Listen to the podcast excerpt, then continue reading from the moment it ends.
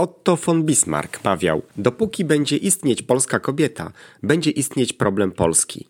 20 lat po jego śmierci okazało się, że jego słowa były niemal prorocze. Poznań 27 grudnia 1918 roku, równo 105 lat temu, przypominał beczkę prochu a zapalnikiem była wizyta Ignacego Jana Paderewskiego i jego przemowa z okna hotelu Baza. Mówi się, że było to jedyne udane polskie powstanie. Ale czy ono udałoby się bez skoordynowanej współpracy całego społeczeństwa wielkopolskiego, w tym niezwykłej roli kobiet, o której dzisiaj opowiem w tym odcinku Wszystko Wszędzie? Zapraszam, bądźcie ciekawi.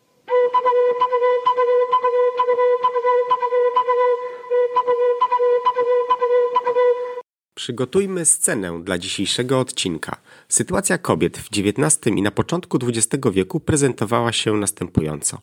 Kobiety nie miały prawa głosu, nie dopuszczano ich do życia politycznego, a ich dążenia emancypacyjne były tłumione. Dopiero wybuch I wojny światowej ukazał kobiety w innym świetle – Mężczyźni walczyli na froncie, a kobiety zajmowały się utrzymaniem domu. I okazało się, że wywiązują się z męskich ról całkowicie dobrze. Musiały przejąć obowiązki swoich mężów i wróciła kwestia równouprawnienia. Kończyła się wyniszczająca dla wszystkich pierwsza wojna światowa. Wojska niemieckie tkwiły w Wielkopolsce zdezorganizowane i często bez łączności ze swoim centralnym dowództwem, a także bez aprowizacji. Żołnierze mieli już dosyć wojny i chcieli wrócić do domu. Powstanie wielkopolskie wybuchło 27 grudnia 1918 roku w czasie wizyty powracającego do Polski Ignacego Jana Paderewskiego, który w drodze do Warszawy przybył 26 grudnia do Poznania wraz z żoną Heleną. Tego samego dnia Paderewski wygłosił przemówienie do swoich rodaków licznie zgromadzonych przed hotelem Bazar. Powstanie wielkopolskie wybuchło spontanicznie, jako wyraz dążeń ludności polskiej do własnego państwa i sprzeciw wobec nasilającej się presji germanizacyjnej. A bezpośrednim powodem było prowokacyjne zachowanie się żołnierzy niemieckich w Poznaniu bezpośrednio po przemówieniu Paderewskiego. Walki w Poznaniu i całej Wielkopolsce wybuchały chaotycznie, bez uprzedniego planu. Powstańcy odznaczali się wielką odwagą, a wręcz brawurą. Byli zwykle słabiej uzbrojeni od Niemców i słabiej wyszkoleni oraz nie posiadali dowództwa. Z drugiej strony żołnierze niemieccy byli w znacznej mierze zdemoralizowani i nie widzieli celu dalszego prowadzenia walk, a brak łączności z dowództwem i Rzeszą prowadził do ich dezorientacji i szybkiej kapitulacji. Początkowo taktyka powstańców polegała na okrążaniu przeciwnika i szybkim ataku z zaskoczenia, zwykle ze wszystkich stron. Niektóre garnizony niemieckie po kilku strzałach zaczynały rozmowy o zawieszeniu broni. W wielu miejscowościach żołnierze niemieccy opuszczali swoje koszary z bronią albo ją porzucali i odjeżdżali w głąb Niemiec.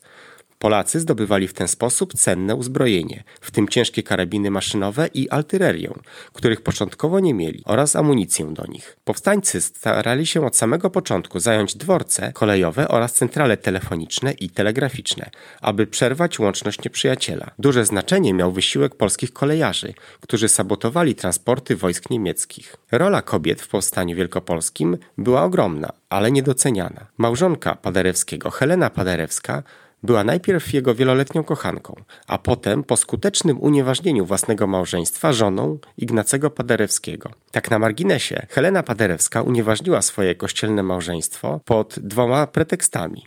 Po pierwsze, była niepełnoletnia w momencie zawierania małżeństwa, a jej ojciec nie wyraził na nie zgody, a po drugie, małżonkowie wzięli ślub poza swoją parafią. Te dwa powody wystarczyły po kilku latach batalii do unieważnienia małżeństwa Heleny Paderewskiej i tego, że stała się ona małżonką Ignacego Paderewskiego, z którym była w stałym związku od kilku lat i opiekowała się jego niepełnosprawnym synem. Wracając do wydarzeń powstania wielkopolskiego, Helena Paderewska przybyła z mężem 26 grudnia do Poznania. W kolejnym dniu zastąpiła męża na przemówieniu do 23 tysięcy polskich dzieci ze wszystkich poznańskich parafii, tłumu, który stanął przed hotelem Bazar. Wygłosiła przemówienie w imieniu chorego wówczas na grypę męża. Podkreślała rolę, jaką odegrał strajk dzieci wrześnińskich, a dzieci w odpowiedzi skandowały Niech żyje Paderewski i pani Paderewska. Helena Paderewska w okresie I wojny światowej organizowała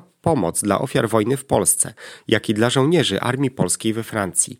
Była inicjatorką powołania Polskiego Białego Krzyża i od 1919 roku była przewodniczącą jego Rady Naczelnej. 18 stycznia 1919 roku pod jej patronatem obradowały wszystkie istniejące na ziemiach polskich organizacje, które kierowały się w swoich działaniach ideami Czerwonego Krzyża. W wyniku tego spotkania zostało utworzone Polskie Towarzystwo Czerwonego Krzyża. Wkrótce rząd zatwierdził jego statut, a kilka miesięcy później, po rezygnacji prezesa Sapiechy, Paderewska została prezesem PCK. Funkcję tę pełniła do 1926 roku. Zmarła w swej posiadłości paderewskich w Morsz w Szwajcarii w 1934 roku. Udział kobiet w powstaniu wielkopolskim najbardziej widoczny był w służbach sanitarnych i szpitalnych. Pełniły one funkcje pielęgniarek, sanitariuszek, organizatorek i pracownic szpitali polowych. Szybka organizacja zaplecza sanitarnego i medycznego pozwalała zminimalizować liczbę rannych i zabitych. Należy zdać sobie sprawę, że realia, w jakich dziewczyny nabywały wiedzę medyczną, aby w podstawowy sposób nieść ratunek rannym powstańcom, były wręcz traumatyczne.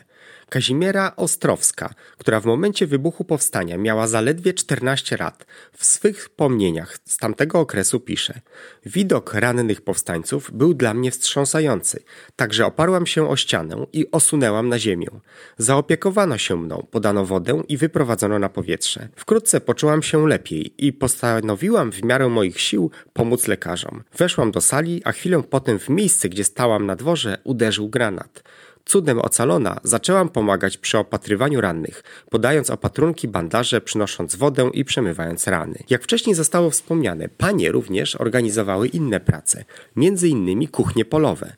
Jeszcze przed wybuchem powstania w miarę możliwości magazynowano produkty spożywcze. Racje żywnościowe były znikome, a w październiku 1918 roku raz w tygodniu wydawano 450 gramów chleba lub 250 gram mąki oraz 3,5 kg ziemniaków na dorosłą osobę. Zaopatrzenie każdego mieszkańca w prowiant nie było więc łatwym zadaniem. Jak wspomina Pelagia Chorak, samo dostarczenie posiłków w czasie powstania było niebezpieczne. Żyłyśmy w napięciu, w ciągłym poszukiwaniu ich miejsca boju, które nas mama z jedzeniem wysyłała.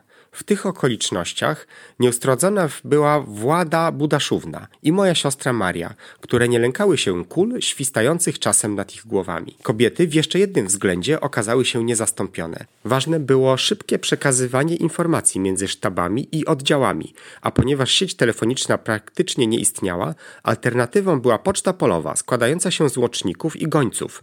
Dużą część z tych stanowisk obejmowały panie.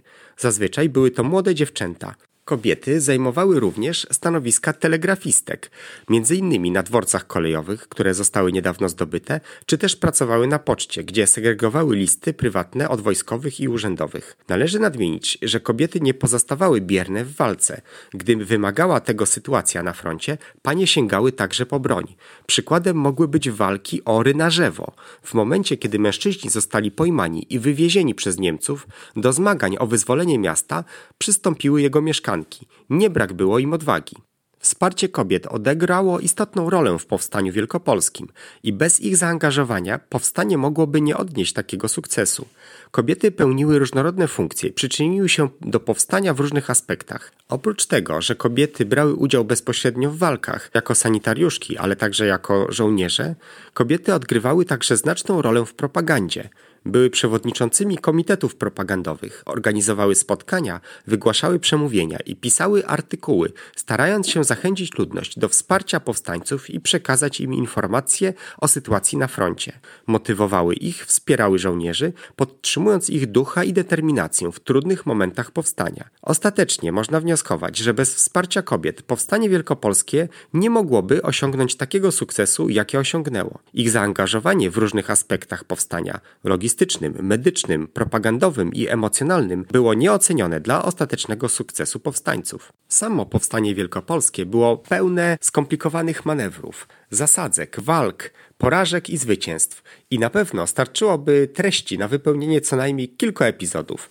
Natomiast dzisiaj skupiliśmy się na tym jednym, jaką była rola kobiet w powstaniu wielkopolskim. Jeśli podobał Ci się ten odcinek, pamiętaj o naciśnięciu przycisku subskrybuj. Jesteśmy dostępni na platformach Spotify, Apple Podcast, Google Podcast, a od niedawna także na YouTube. Naciśnięcie przycisku subskrybuj pozwoli zostać wyłowionym przez innych słuchaczy w morzu innych podcastów.